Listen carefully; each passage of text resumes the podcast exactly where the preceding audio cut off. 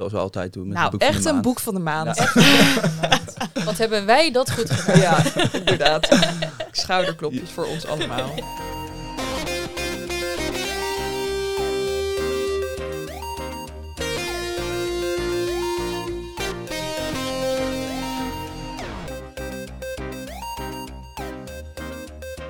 Hey, leuk dat je luistert naar deze aflevering van de Paagman Tip Boeken Podcast. Mijn naam is David en ik ben natuurlijk jullie host samen met Brit. Ja, David, hoe lang doen we dit al? Alweer, eh, Een jaar misschien wel. ik denk het misschien. Misschien is dit onze anniversary aflevering. Laten we dat gewoon zo noemen. Leuk.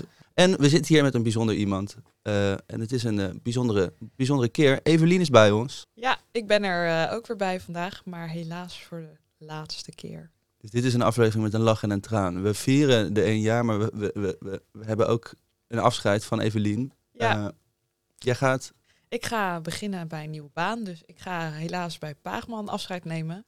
Dus ook bij het, eh, ik heb mijn laatste boek van de maand, boek eh, in ieder geval in functie gelezen. En eh, ja, ik ben nog niet helemaal weg bij Paagman, maar dit, dit is wel de laatste cyclus van het boek van de maand. Dus zodoende. Maar we hebben dus nu wel een nieuwe trouwe luisteraar erbij, hè? Voor de komende aflevering. Nou, ik heb me zeker al geabonneerd op de, op de, op de podcast. En sowieso de insider tips hou ik me sowieso voor aanbevolen. En denk dat ik sowieso wel op de voet zal volgen wat jullie lezen. Komt goed. Ja, en Ja. je zei het al voordat we begonnen. eh, het is best een flinke kluif voor ons Boek van de Maand team. Dat zijn eigenlijk echt een beetje de baggeraars van de literaire wereld. Die moeten overal doorheen.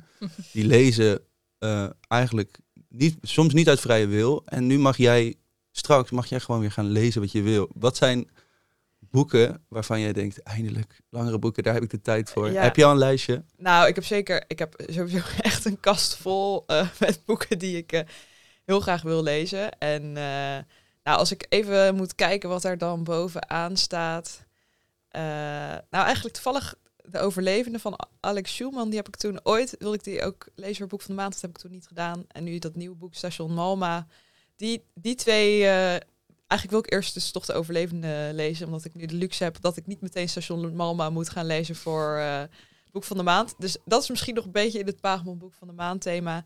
Ja, daarnaast heb ik gewoon echt heel veel prachtige romans eh, klaarstaan. eh, waar ik gewoon zonder haast eh, op mijn dode gemak doorheen kan. Nou, Ja, toch in. ben ik dus wel benieuwd of dit voor jou een vloek of een zegen gaat zijn. Zeg maar, ik heb soms inderdaad dat ik denk, oh, deze boeken staan nog in mijn kast en wanneer ga ik eraan toekomen? Want ik ben inderdaad vooral ja, recent verschenen boeken aan het lezen. Maar het geeft wel ook gewoon een, een lekkere drive en motivatie om die boeken te blijven op te pakken. En ja, ik, klopt. Ja, je hebt altijd iets om eh, meteen aan te beginnen. En eh, ja, misschien toch ook een klein stukje druk om ook snel, snel te Ja, een beslissen wat je ervan vindt. En als Ja. je het nou echt niks vindt, dan leg je het ook misschien sneller weg.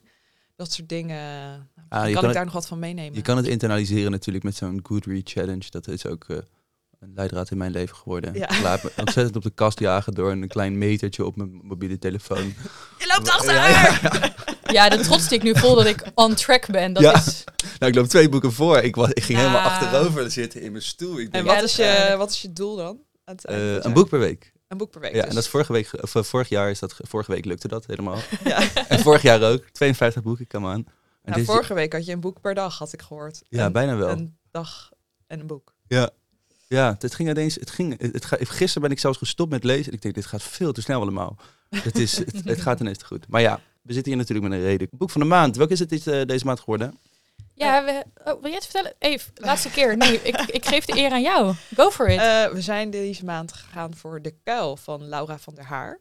En eh, nou, David houdt hem omhoog. Het is een hele mooie kaft dit keer. Daar waren we het alle drie over eens. En eh, uitgegeven door De Bezige Bij. En ja, het is een bijzonder ha- verhaal. Namelijk, eh, nou, ik zal even aftrappen. Het gaat eigenlijk over Kasia en Lennart. En eh, die hebben een relatie en zijn al jaren samen. En eigenlijk lijkt het vanaf buiten dat ze ja, een hele fijne relatie hebben. En eigenlijk best wel een recht toe recht aan liefdevol leven leiden samen. Maar ja, toch is het van binnen toch iets anders dan eh, het lijkt. Want ja, ze leiden eigenlijk allebei een beetje een dubbel leven. En hebben allebei een beetje een eigen obsessie die ze ontwikkelen in het boek. Misschien kan Britt daar wat meer over vertellen. Ja, het, ehm, sowieso die hele relatie van ehm Kasia en Lennart vond ik wel heel interessant. Omdat ja, ze, wonen samen en het gaat goed. En ze hebben ieder hun eigen dingetjes in, in en om het huis en in hun eh, relatie, hoe ze dingen aanpakken. Dat maakt het ook, dat maakt het soms heel herkenbaar. Ja, volgens mij, we zitten allemaal in een eh, fijne, liefdevolle relatie. Maar soms kan er ook wel een beetje zo die, die sleur. Ik ben heel blij hoor met, eh, met mijn vriend. Maar, maar eh, dat je dacht van, oeh, dit moet nu niet nog, nog dichterbij komen. Dat je, nou ja, toch ook soms wel het een beetje die vertrouwdheid bijna saai kan gaan aanvoelen. Nou ja, gelukkig hebben dus eh Kasia en eh Lennart allebei een, een, ja, inderdaad een andere obsessie waar ze zich in weten te verliezen. Kasia heeft aan de ene kant, ehm, ja, je schrijft het de naam als Charles, maar hij heet Charles. Ah. Charles Ubbink. Ehm, is een eh, soort van ja, vastgoedondernemer ondernemer die eh, in het bos waar zij in een pannenkoekenrestaurant werkt, een ehm, nieuw groot vakantiepark wil, eh, wil opbouwen. Is een man van 20 jaar ouder, ehm, maar ja, zij begint toch een soort van passievolle eh, affaire met hem. En eh Lennart aan de andere kant, die ja, probeert in datzelfde bos antwoorden te vinden voor zijn zusje die in coma ligt, want ze is uit een boom ja, gesprongen of gevallen. Daar is een beetje onduidelijkheid over. En hij denkt dat er meer achter zit. Hij denkt niet dat het een zelfmoordpoging was, maar dat ja, daar, daar moet iets gebeurd zijn. Dus hij, gaat aan de slag met een soort van bodemonderzoek en, en probeert dat bos te doorgronden. Ja, en op ieder op hun eigen manier proberen ze dus nog steeds dat, dat fijne, eh, liefdevolle thuis eh, vol te houden met elkaar. Maar ja, zijn ze duidelijk met hun aandacht allebei ergens anders. En eh, dat, ja, dat ontspoort wel redelijk. Ja. Nou, wat ook wel interessant is, dat je eigenlijk, je volgt ze heel erg los van elkaar. Dus ook wat ze bijvoorbeeld denken van elkaar op bepaalde momenten. En eh, ja, aan het einde komt het allemaal wel een beetje samen. Ook de titel van het boek. En de, dus dat is wel ja, heel erg knap gedaan, vind ik. Want op een gegeven moment begin je wel een beetje af te vragen van... oké, waar gaat dit heen? Want ze, ja, ze racen allebei echt een beetje de, naar de afgrond, voelt het een beetje. Want eh, ja, ze verliezen zichzelf ook wel een beetje in hun respectievelijke ja, obsessie. Ja, is het een obsessie? Ja, nou ja, ze kunnen allebei niet meer heel helder genieten van in het moment leven en, en, en met elkaar zijn. Dus Ja. in die zin denk ik wel, ja, kan ik het, ja, zouden we het denk ik wel obsessief gedrag kunnen, kunnen noemen, denk ik. Ik eh, las in een ehm, interview, want eh, Laura van der Haar heeft best wel wat interviews eh, gegeven nu voor verschillende kranten en media. En volgens mij las ik in een van de interviews dat ze vertelde dat toen ze het verhaal begon te schrijven, eigenlijk begon met het bos als, als personage. Dat ze dus vooral daar een verhaal over wilde vertellen. Nou, dat vervolgens dan daar dus eigenlijk Kasia als, als hoofdpersoon bij kwam. Nou dat ze toen dus verder is gaan schrijven. En uiteindelijk, ja, toch bleek dat het verhaal een soort van tegenhanger nodig had. En ja, zodoende uiteindelijk ze uit is gekomen met die eh, met, met Lennart als, als ja, tweede hoofdpersonage eigenlijk. En die, die, die twee verhalen in dat bos ehm, ja, samen zijn gekomen eigenlijk. Ja, het is, het is een spannend verhaal, maar het lijkt als- alsof de spanning heel organisch tot stand komt. Leuk in de context van een bos ook. Eh, dat, het, dat het niet, het wordt niet, lijkt het bijna moedwillig geïnjecteerd. Het is bijna alsof de verhaallijn nou eenmaal spannend wordt. Er, er is niet zoveel aan te doen. Het lijkt, lijkt niet een, een soort van moedwillige thriller te zijn, Ja. als je dit zou vertellen. Ja, eigenlijk een boek van de maand collega zei ook van... Eigenlijk is het, past het allemaal te goed in elkaar, maar zo voelt het helemaal niet als je het leest. Het voelt inderdaad echt alsof je wordt helemaal meegenomen. En eh, nou, een paar mensen in ons team die hadden dat hele bodemverhaal toch iets meer met een korrel zout genomen. Van goh, ik kan, vind het toch moeilijk om me helemaal hieraan over te geven.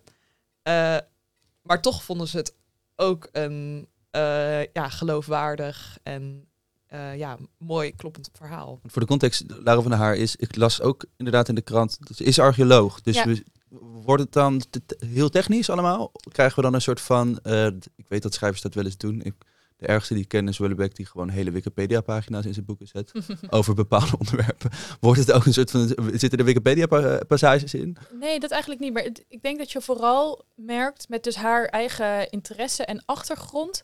Ehm, en dat ze daar dan weer een soort van filosofische eh, kijk op zeg maar, de, de grond en het bos. En Ja, omdat je gewoon, ehm, nou ja, ja, bijna een beetje een soort van, we nemen de grond waar we op, op lopen en op bouwen redelijk voor lief. Ja. Terwijl er zoveel eigenlijk in die hele bodemstructuren met eh, ja, verschillende jaren en, en lagen en verschillende gronden. We denken daar niet echt over na. En ik denk dat Laura van der Haar, als zij dus op straat loopt of in een bos loopt, daar dus wel over nadenkt. En dat voel je wel Ja. in dat boek. Ja, en dat is misschien ook een beetje het uitgangspunt van Lennarts gedachten en obsessie. En dat, dat is ook een zinnetje in het boek. Dat is dat de bodem neemt wat hij nodig heeft. En nou goed, daar zullen we niet te veel over uitweiden. Maar dat is ook een beetje een soort beginpunt van ja, dat bodemverhaal. Ja. En eh, Ja, het is een goede om die, eh, om die zin eigenlijk, als je het boek leest, in je, in je hoofd te houden.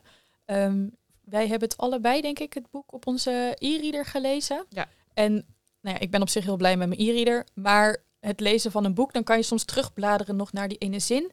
En ik was dus halver, ja, halverwege het verhaal. En toen dacht ik van ja, volgens mij was er een belangrijke zin die ik nu niet kan reproduceren.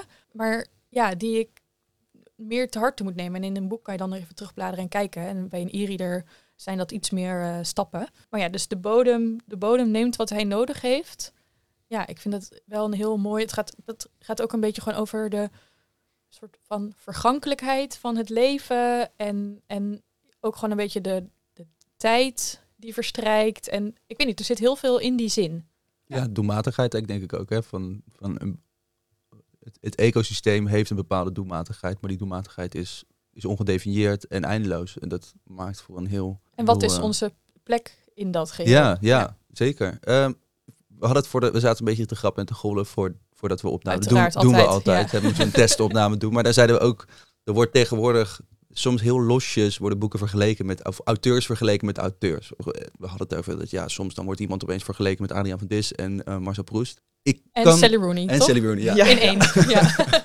Waar, waar, zit, eh, waar zit Laura van der Haar in jullie mening? Ik denk dat wij, dat jullie daar wel ook als, als eh, erkende boekverkopers misschien een beetje een wat betere, een betere eh nou, qua, voor kunnen qua geven. soort schrijfstijl en organisch ontstaan deed deze boek me, eh, dit boek me eigenlijk wel denken ook een beetje aan de boeken van Jente Postuma. Ja, Gewoon eh, omdat het allemaal best wel impliciet is.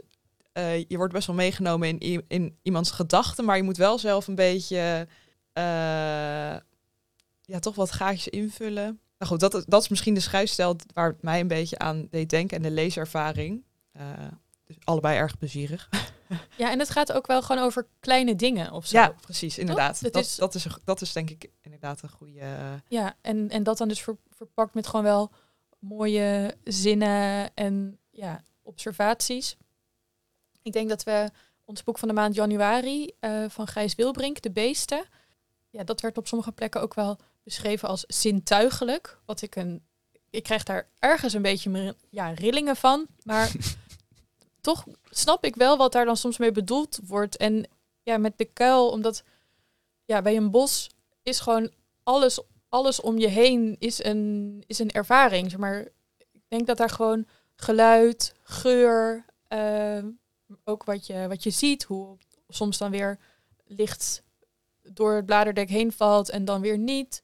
Ehm, ja, dus ik denk op zich dat dit boek. En het boek is ook opgedeeld in eh, seizoenen. Dus eh, je leest. ehm, Ellie Smith, kom er maar in. Of nee? ja, ja, nou ja, dan had het. eh, ja, dat, dat, dat is ieder boek een, eh, een seizoen. Maar eh, nee, er zit dus in één boek alle vier de seizoenen. Ehm, maar dat, dat, dat zorgt er ook voor dat je. Nou ja, dus het bos verandert en, en, en wij veranderen mee. En ja. ja, En wat voor emoties dat oproept als je inderdaad bijvoorbeeld alleen in een hutje in het bos zit. ja, of de welbekende winterdip. Of ja. Ja. die eerste keer toch met je blote benen de deur uit. Ja, dat soort. eh, Mooi. En ik denk dat we ook namens ons drieën kunnen zeggen, grafisch designer van de bezige bij, ga zo door. Ja. Want er was vanuit de, met de collega's hadden we ook wel een beetje kritiek op de afgelopen titels die uitkwamen, dat het allemaal redelijk neutrale covers waren en dit springt er wel heel mooi uit. Ook eigenlijk, de, de, de, de beest was ook zo, dat is dan van Thomas Rapp volgens mij, maar dat, dat was ook zo'n uitspringende cover die, Ja. En ik denk zo'n verhaal verdient ook wel zo'n Ja, ik heb het even opgezocht. Het omslagontwerp is van Moker Ontwerp. En ja, ik vind sowieso dit echt een heerlijk formaatje. Wat je Ja. gewoon wel sowieso in je tas kan gooien. En Een ideaal om aan te raden, want je geeft iemand niet een enorme kluif. Je geeft gewoon eigenlijk een, echt een perfecte novel. Fantastisch. Ik, eh, Ja, en voor veel verschillende lezers denk ik echt. eh, Zoals we altijd doen. Met nou, het boek van echt de een boek van de maand. Ja. wat hebben wij dat goed gedaan? Ja, inderdaad. Schouderklopjes voor ons allemaal. Jullie lezen meer, zoals we al zeiden. Welke boeken zijn het niet geworden? Eh, nou, we kunnen wel even door met de bezig bij. Want eh, we hebben ook een ander boek van hen gelezen dit, eh, ja, deze maand. En dat was Definitie van Liefde van Noem Dam. En deze stond eigenlijk al best wel lang op onze Verlanglijst. verlanglijst. Volgens mij was hij nog een keer verplaatst. Dus dat eh, maar doet de spanning altijd extra opbouwen. En we hebben het nog een keer gezien bij een inspiratiemiddag, kwam ze vertellen. Dus nou, dat boek was wel eh, onder onze aandacht, om het zo te zeggen. Eh, en het gaat over Rose. En zij is net als Noemdam actrice, maar dan in New Orleans. Want daar speelt het verhaal zich af. En eigenlijk start het verhaal bij Rose op het moment dat zij erachter komt dat ze zwanger is. En op dat moment, eh, nou, ze staat eigenlijk midden in het leven. Ze heeft best wel iets voor zichzelf opgebouwd als actrice. eh, wat ja, best wel buiten de eh, sporen van verwachting is, aangezien ze nou, uit een best wel traditioneel Vietnamees, haar ouders waren Vietnamese immigranten. met, ja, die woonden echt een andere deel van de stad. En daar hadden ze een soort snackbar, restaurant. En nou goed, jezelf op een podium tentoonstellen was niet echt wat zij eh, voor ogen hadden voor hun dochter. En ze, nou, heeft een langdurige relatie met iemand. En nou, de kinderwens was eigenlijk wel aanwezig. En ze hebben daar lang voor ja, moeten wachten. En toch is de reactie van haar partner niet eh, die ze hoopt. Of nou ja, eigenlijk eh, is hij redelijk afwezig vanaf dat moment. En ja, vanaf daar staat ze eigenlijk voor die onmogelijke keuze van wat ga ik doen met deze zwangerschap. Eh, daarmee gaat ze in gesprek met vrienden en collega's. ehm, en ja, je volgt haar eigenlijk in het leven. Eh, en op een gegeven moment komt er nog een andere verteller bij. En dat is de ongeboren, ongeboren vrucht. Eh, dus nou, dat, dat is natuurlijk een interessant perspectief. En daarnaast, wat misschien natuurlijk ook nou, de functie van New Orleans of Amerika is, dat daar natuurlijk de abortuswetgeving ja, totaal in de spotlight staat. Politieke spanningsveld daaromheen. Nou, ze spreekt ook met verschillende mensen die daar weer verschillende meningen over hebben. Hun eigen ervaringen, hun eigen ervaringen rondom kinderen, kinderen krijgen, miskramen. Eh, zodoende ja, worden alle overdenkingen eigenlijk wel de revue gepasseerd. Ehm, dus dat, nou, dat maakt het voor een, ja, een interessant boek. Ik meteen dat ik denk, wordt Amerika gebruikt dan voor die, voor, om dat politieke te creëren? Of is het bijna onvermijdelijk in het verhaal? Nou, dat was wel zeker een vraag waar ik mee begon te lezen van... eh, moet dit per se in New Orleans afspelen? Eh, wat is de functie? Ze is zelf geen Amerikaanse. Nee, als ik het goed Nee, heb. ze is, is wel Vietnamese, eh, en maar in Nederland opgegroeid. Dus ik bedoel, die familierelaties, denk ik dat ze wel op bepaalde zin kan... Dat is volgens mij ook wel in interviews gezegd dat dat wel enigszins autobiografisch is. Ja, kijk, aan de ene kant had ik er misschien ook niet heel erg last van, want het, het staat niet midden op het toneel, New Orleans. Het is gewoon de decor eigenlijk. En ja, dan wanneer het over die, wat is het, Wade versus Roe heet het Mhm, zo. Ja, Dat Ja. is, die discussie is gewoon volgaande. En ja, dat maakt het natuurlijk interessant, omdat het niet, die abortus niet vanzelfsprekend is. Maar het is een, natuurlijk eigenlijk wel een interessante vraag, deel van een groter geheel. Van in, hoeverre kan jij schrijven over dingen die toch een soort van ver van jou, van jou afstaan? Kan jij schrijven over een land waar je niet bent opgegroeid of nog niet bent geweest? Of, ehm, ja, ja en ik denk dat ons, cosmopolitische eh, wereldbeeld, wat toch wel de afgelopen tientallen jaren steeds extremer is geworden, ons toch wel soms het idee geeft van, ja, er zit niet zo'n verschil tussen ons, maar die enorme culturele lading die bepaalde dingen heeft, zoals de abortuswetgeving in Amerika, als ik, mijn mening daarin, ik neem daar altijd een stapje in terug en durf eigenlijk altijd te zeggen, ja, ik, ik, ik kan dat niet vatten. Hetzelfde als het zit met, met, met de Afro- Afro-Amerikaanse gemeenschap in Amerika. Ik, ik kan erover lezen, maar dat ik kan het niet voelen. mist ja, je ja. mist die, die wortels. Er is zoveel gebeurd wat wij niet weten. eh, dat, het, dat het wel lastig lijkt. Maar hulde als het er lukt. Maar dat is natuurlijk ook jullie. eh, jullie hebben hem natuurlijk gelezen, dus jullie hebben daar een betere kijk op. Ja, Ja, eigenlijk zou ik bijna dus in, in als boekentip niet definitie van liefde willen noemen, maar eh, het eerdere boek van Noengdam, Duizend Vaders. Dat is, ik denk in 2017 verschenen.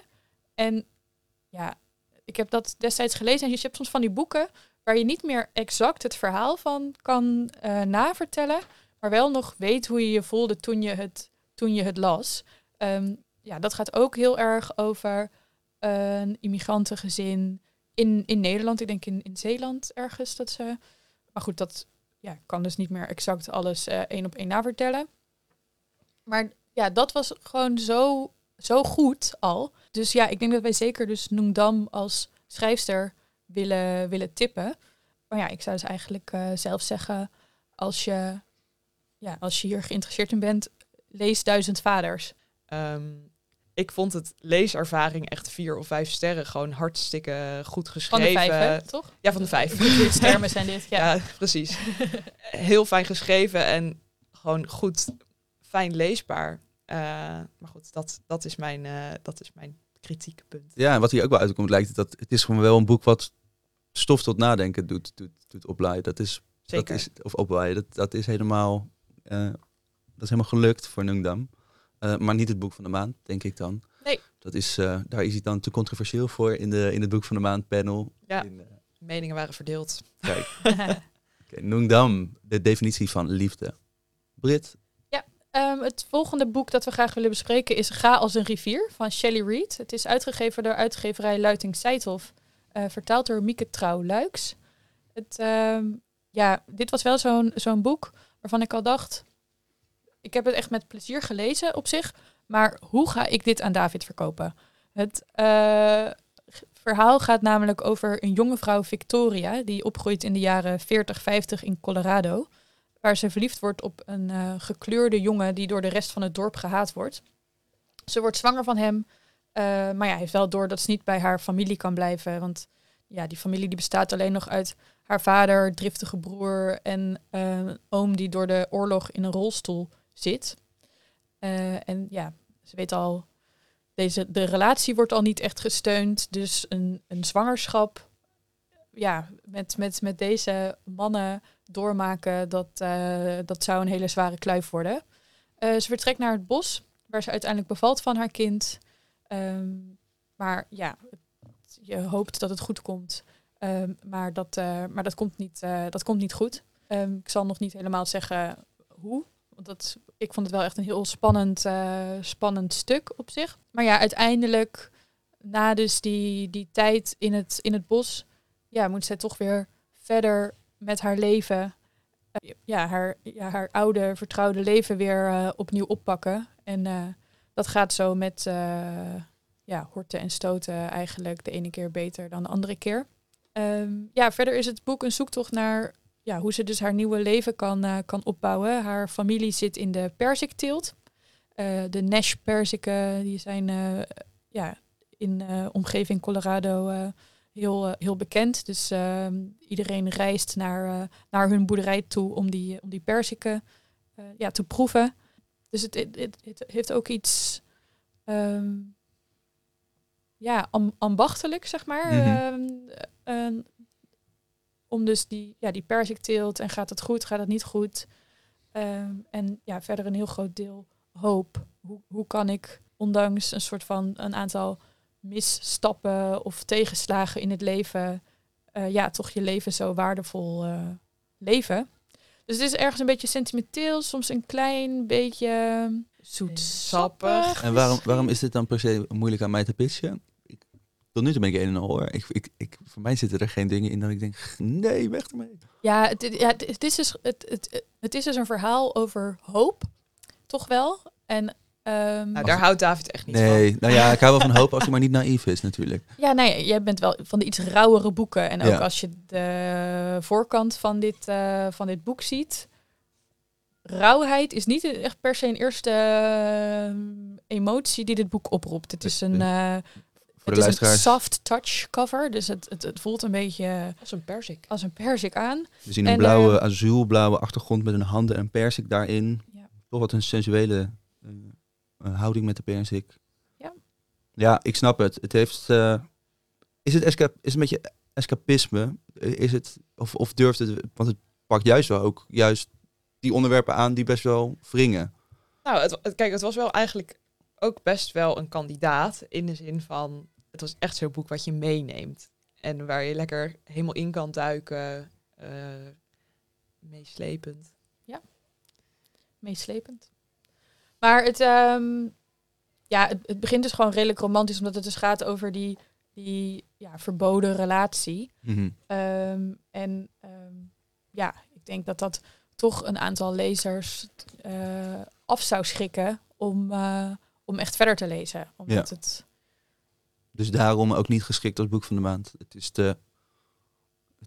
Het, Ja. schikt, het, het, zoetsappige kan afschrikken, maar voor de, het staat wel op de kaft voor de lezers van Waar de rivier kreeg te zingen. Het meest verkochte boek van vorig jaar. ja, en dat is wel echt waar. Ja. toch? Het is echt, het unaniem eh, over eens. Ja, soms, soms wordt het dus op een boek gezet en dan denk je, ja, kan je wel leuk zeggen, maar dat zeg je eigenlijk vooral omdat je meer boeken wil verkopen. Mhm. Eh, maar in dit geval, ja, zou ik als iemand eh, in de winkel komt en die zegt, eh, ik vond daar waar de rivierkreeften zingen fantastisch en ik wil meer in, in, in lijn van dat boek lezen, ja, dan zou ik wel ga als een rivier eh, voor, die, eh, voor die persoon pakken.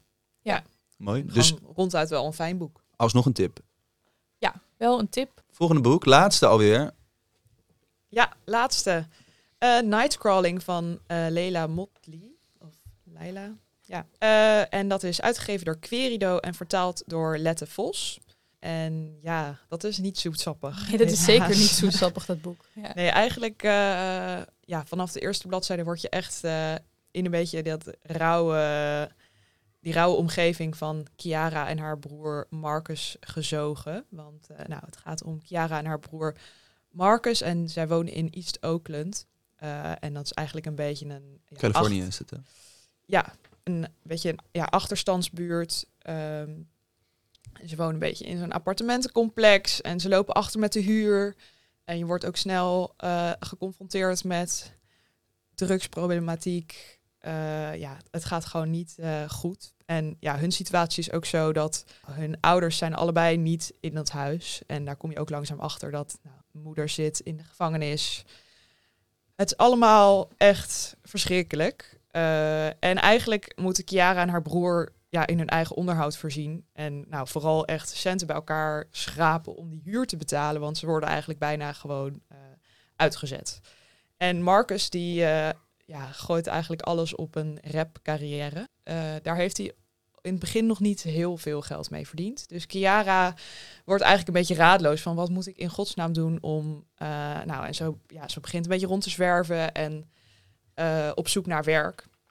Ze is overigens 17 in het eh, verhaal. Eh, ja, en dan komt ze toch met ja, de verkeerde mensen in aanraking. Of, en nou, die weten wel een manier waarop ze geld kan verdienen.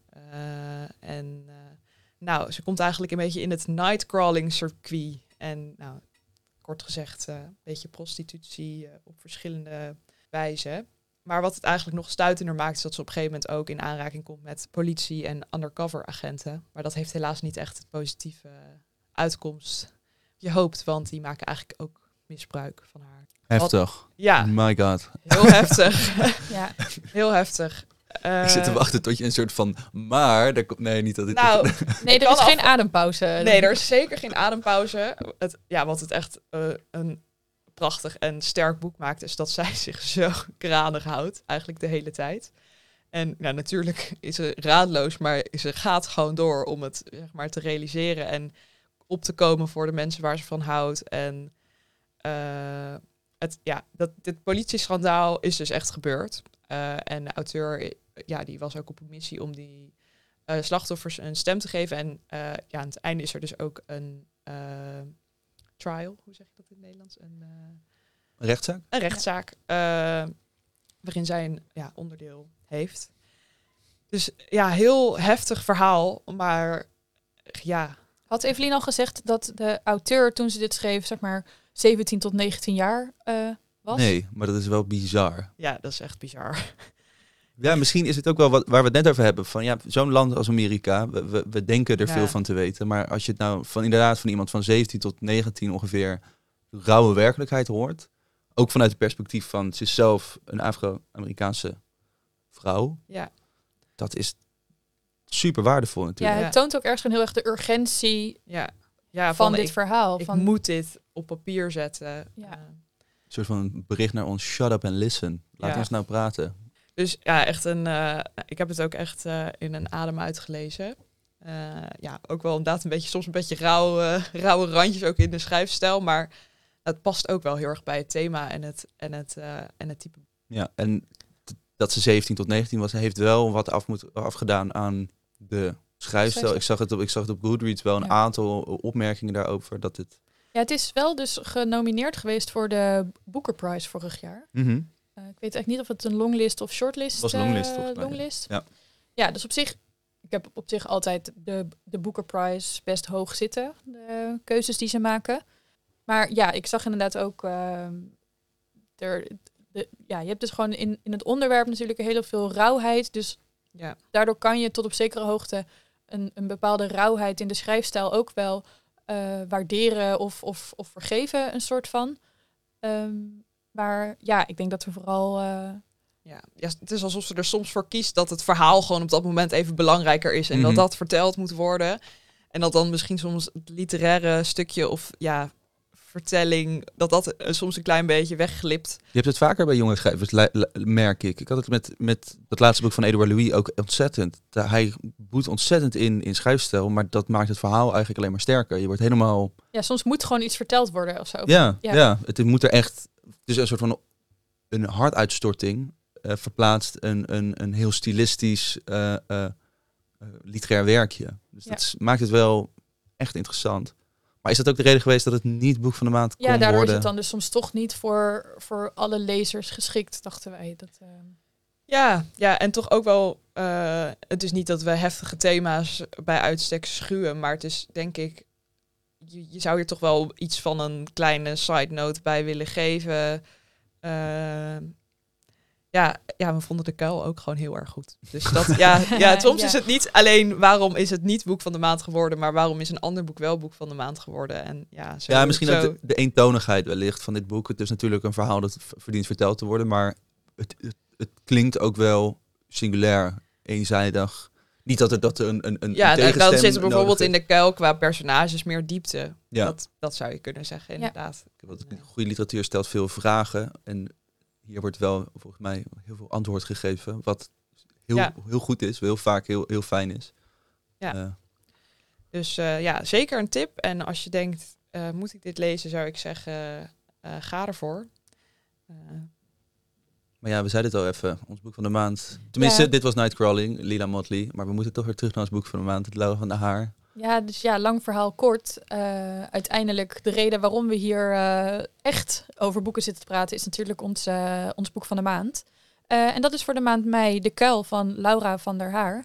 Ja, wij raakten niet uitgepraat over dit boek door het mysterieuze plot en de mooie zinnen. En we gunnen dat meer mensen. Dus ja, De Kuil van Laura van der Haar is ons boek van de maand. Cool. Onder de streep, op welke plek komt dit boek in jouw leestapel, David? Nou, je dat- zei aan het begin van de podcast al hij dat krijgt je... wel een mooi plekje in je kast. momenteel- vindt hem mooi, toch? Ik vind hem mooi. Ja, maar dat, het weet je dat dat dus heel erg uitmaakt. Dat, ik vind hem een beetje als formaat op een van mijn favoriete boeken lijken eh, die ik ken. Eh, eh, de kleurloze Tsukuru Tasaki van Murakami heeft ongeveer evenveel bladzijden, hetzelfde formaatje. En dat vond ik gewoon daarom al vond ik dat zo'n lekkere leeservaring. Je weet wat, je, wat er te wachten staat. Je kan, als je naar het einde, ik doe eens als ik dikke boeken lees, ga ik naar de laatste bladzijde kijken hoeveel ik nog moet. En dan zakt dus de moed helemaal in mijn schoenen als het een niet zo'n supergoed boek is. Maar bij deze denk ik gewoon, ja. En wat jullie vertellen, mooi die, die broeierigheid, wat uiteindelijk zorgt voor. Hij komt zeker in de, in de top 10. En Wilbrink staat daar dus nog in. Dat is, eh, die, die moet ik ook Ja, nog... maar je hebt je eh, helemaal verloren in een andere auteur, vertelde je ons eh, daar straks. Hè? Ja, Eh, L'Inspector. Dat vond ik echt...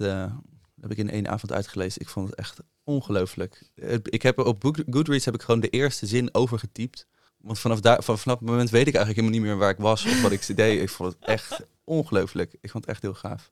Je weet me toch wel iedere keer weer te verbazen met de dingen die je tipt en de dingen die je zegt. Dat is toch... eh, ja. Ja, ja het- het is- ik ben niet voor niks de host van de, van de Pagman Tipboeken podcast. Well done. Ja. Eh, luisteraars, ja, bedankt voor het luisteren. Willen jullie meer weten over de boeken die wij tippen? Eh, op pagman.nl slash podcast is alles even rustig terug te zien. Of schrijf je in voor onze nieuwsbrief. Dan krijg je elke week bijna wel twee mailtjes met alle info die je moet hebben. Ja, ja, boekentips, schrijvers die ons op bezoek komen. Ja, en eh, op social media zijn we te vinden via Paagman. Dus eh, leuk als je ons daar ook volgt. Evelien, laatste keer. Tabé. Bedankt voor alle Dankjewel. opnames, de, de, Ja, de moeite. bijna drie jaar boek van de maand. Dus dat zijn een hoop boeken. Ja. Een echte veteraan neemt afscheid. ja, ja. Maar, Moeten we dan nu eh, salueren? Of, eh? Ja, we nee, doen. komen vast... eh, Werkt niet zo goed in een podcast, Dus denk ik. misschien eh, komt er wel een nieuwe lezer bij en eh, gaan we een nieuw pad in. Wie weet. Dat zou zomaar kunnen. Iedereen weer ontzettend bedankt voor het luisteren. David, Eve, bedankt dat jullie hier weer met mij in dit podcasthok wilden zitten. En eh, tot de volgende keer. Hallelujah.